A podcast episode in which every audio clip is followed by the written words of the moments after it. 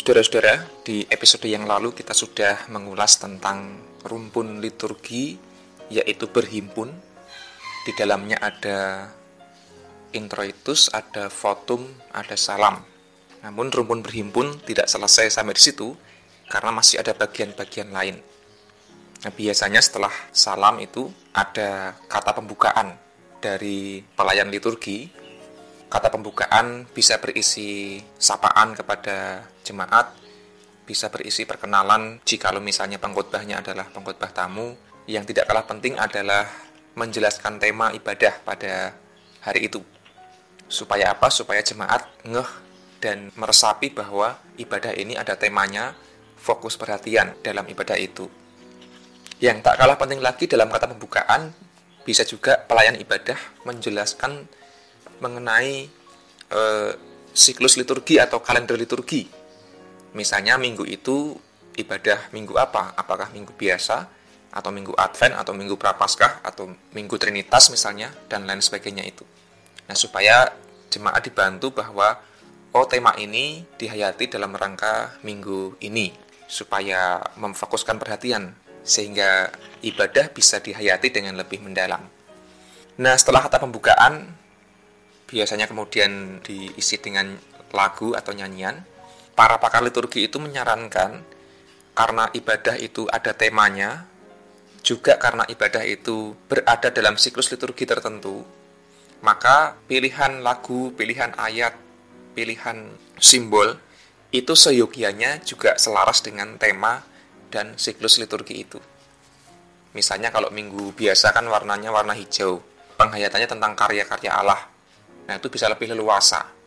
Tapi kalau minggu-minggu prapaskah, warna ungu, e, minggu sengsara begitu ya.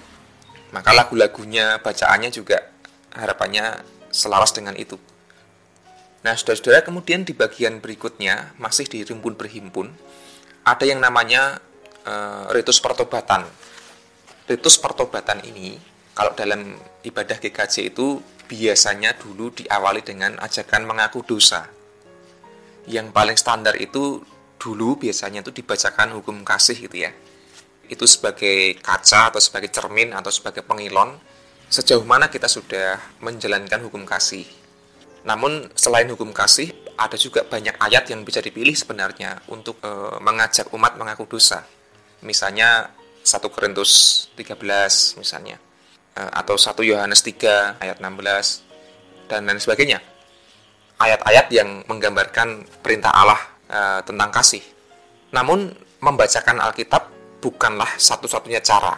Ada banyak cara lain yang ditempuh. Yang penting intinya adalah bagaimana mengajak umat mengakui dosanya. Bagaimana mengajak umat menyadari keberadaannya sebagai orang-orang yang berdosa.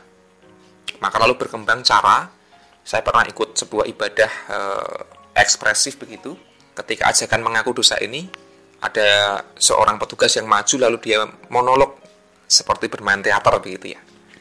Pernah juga saya ikut ibadah e, ketika ajakan mengaku dosa ini dengan puisi.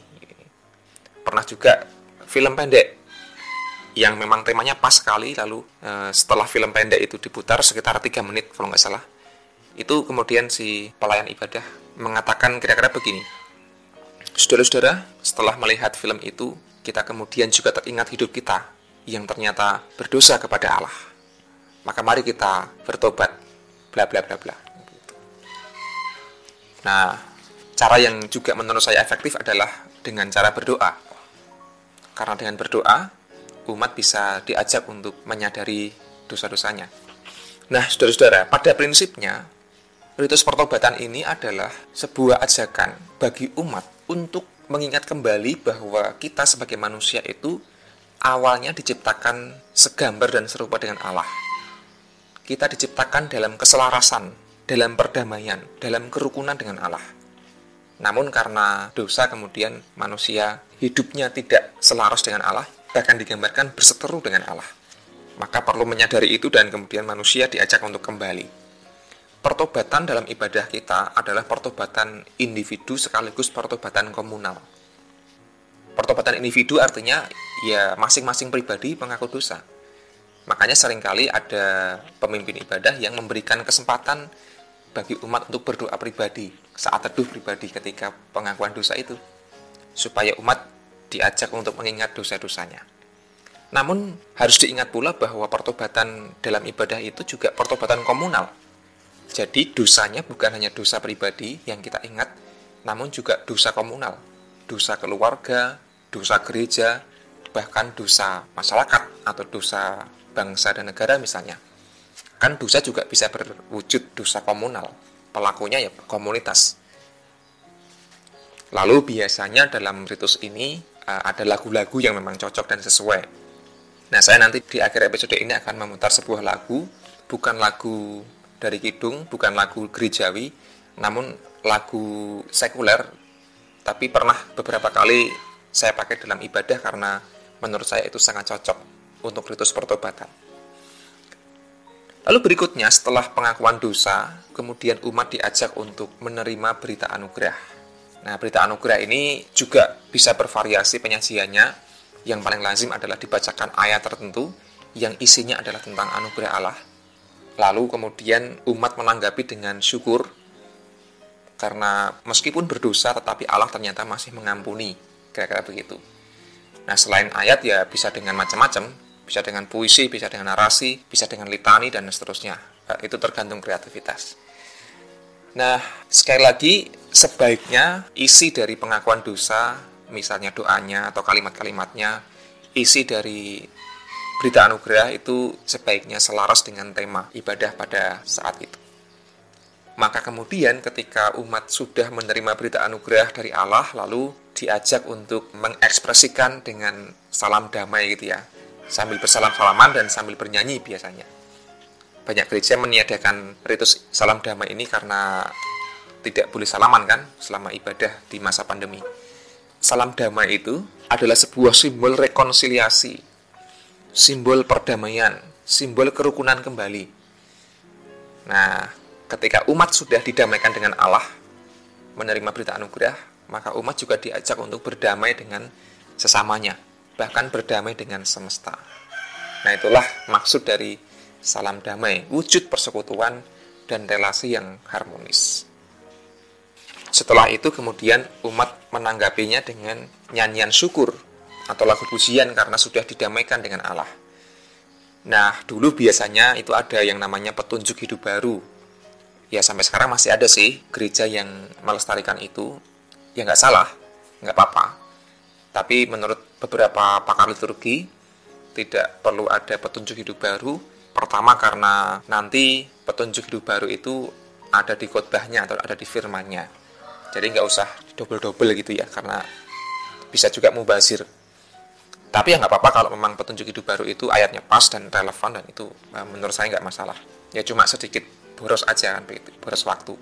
Maka kalau ada petunjuk hidup baru, nyanyiannya biasanya nyanyian kesanggupan, tapi kalau memang tidak ada petunjuk hidup baru, tidak memakai itu, ya sudah nyanyiannya adalah nyanyian syukur karena sudah hidup ditebus dosanya, hidup dalam perdamaian dengan Allah, dengan sesama, dengan semesta.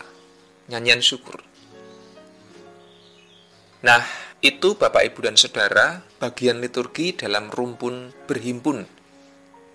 Mengingatkan kembali, berhimpun itu awalnya adalah introitus atau prosesi fokus kita pada Allah pada firmannya disimbolkan dengan Alkitab lalu votum pengakuan salam salam persekutuan lalu kata pembukaan lalu pertobatan pertobatan berisi ajakan mengaku dosa dan e, menerima anugerah Allah nah bertobat itu adalah sebuah cara berbalik arah dari jalan hidup dari cara pikir yang sesat menuju ke jalan hidup dan cara berpikir yang sesuai dengan kehendak Allah.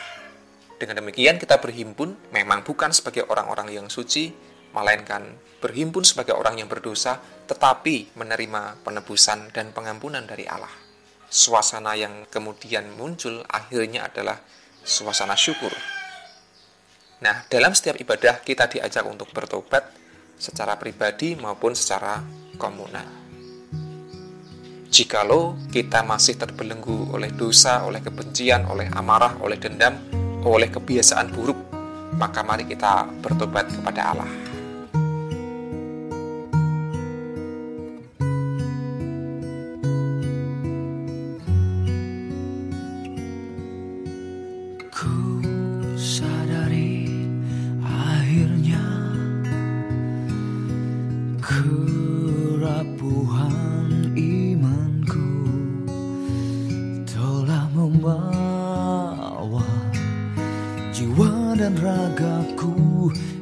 Dalam dunia yang tak tentu arah.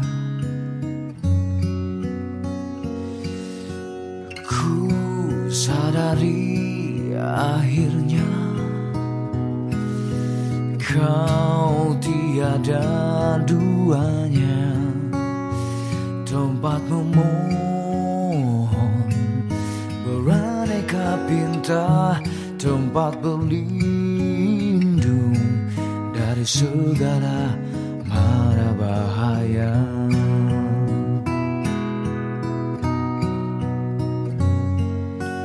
Oh Tuhan mohon ampun atas dosa dan dosa. Selama ini aku tak menjalankan perintahmu tak pedulikan namamu tenggelam melupakan dirimu. Oh Tuhan mohon ampun atas dosa dan dosa. Sempatkanlah aku bertobat hidup di jalanmu Untuk penuhi kewajibanku Sebelum tutup usia Kembali padamu.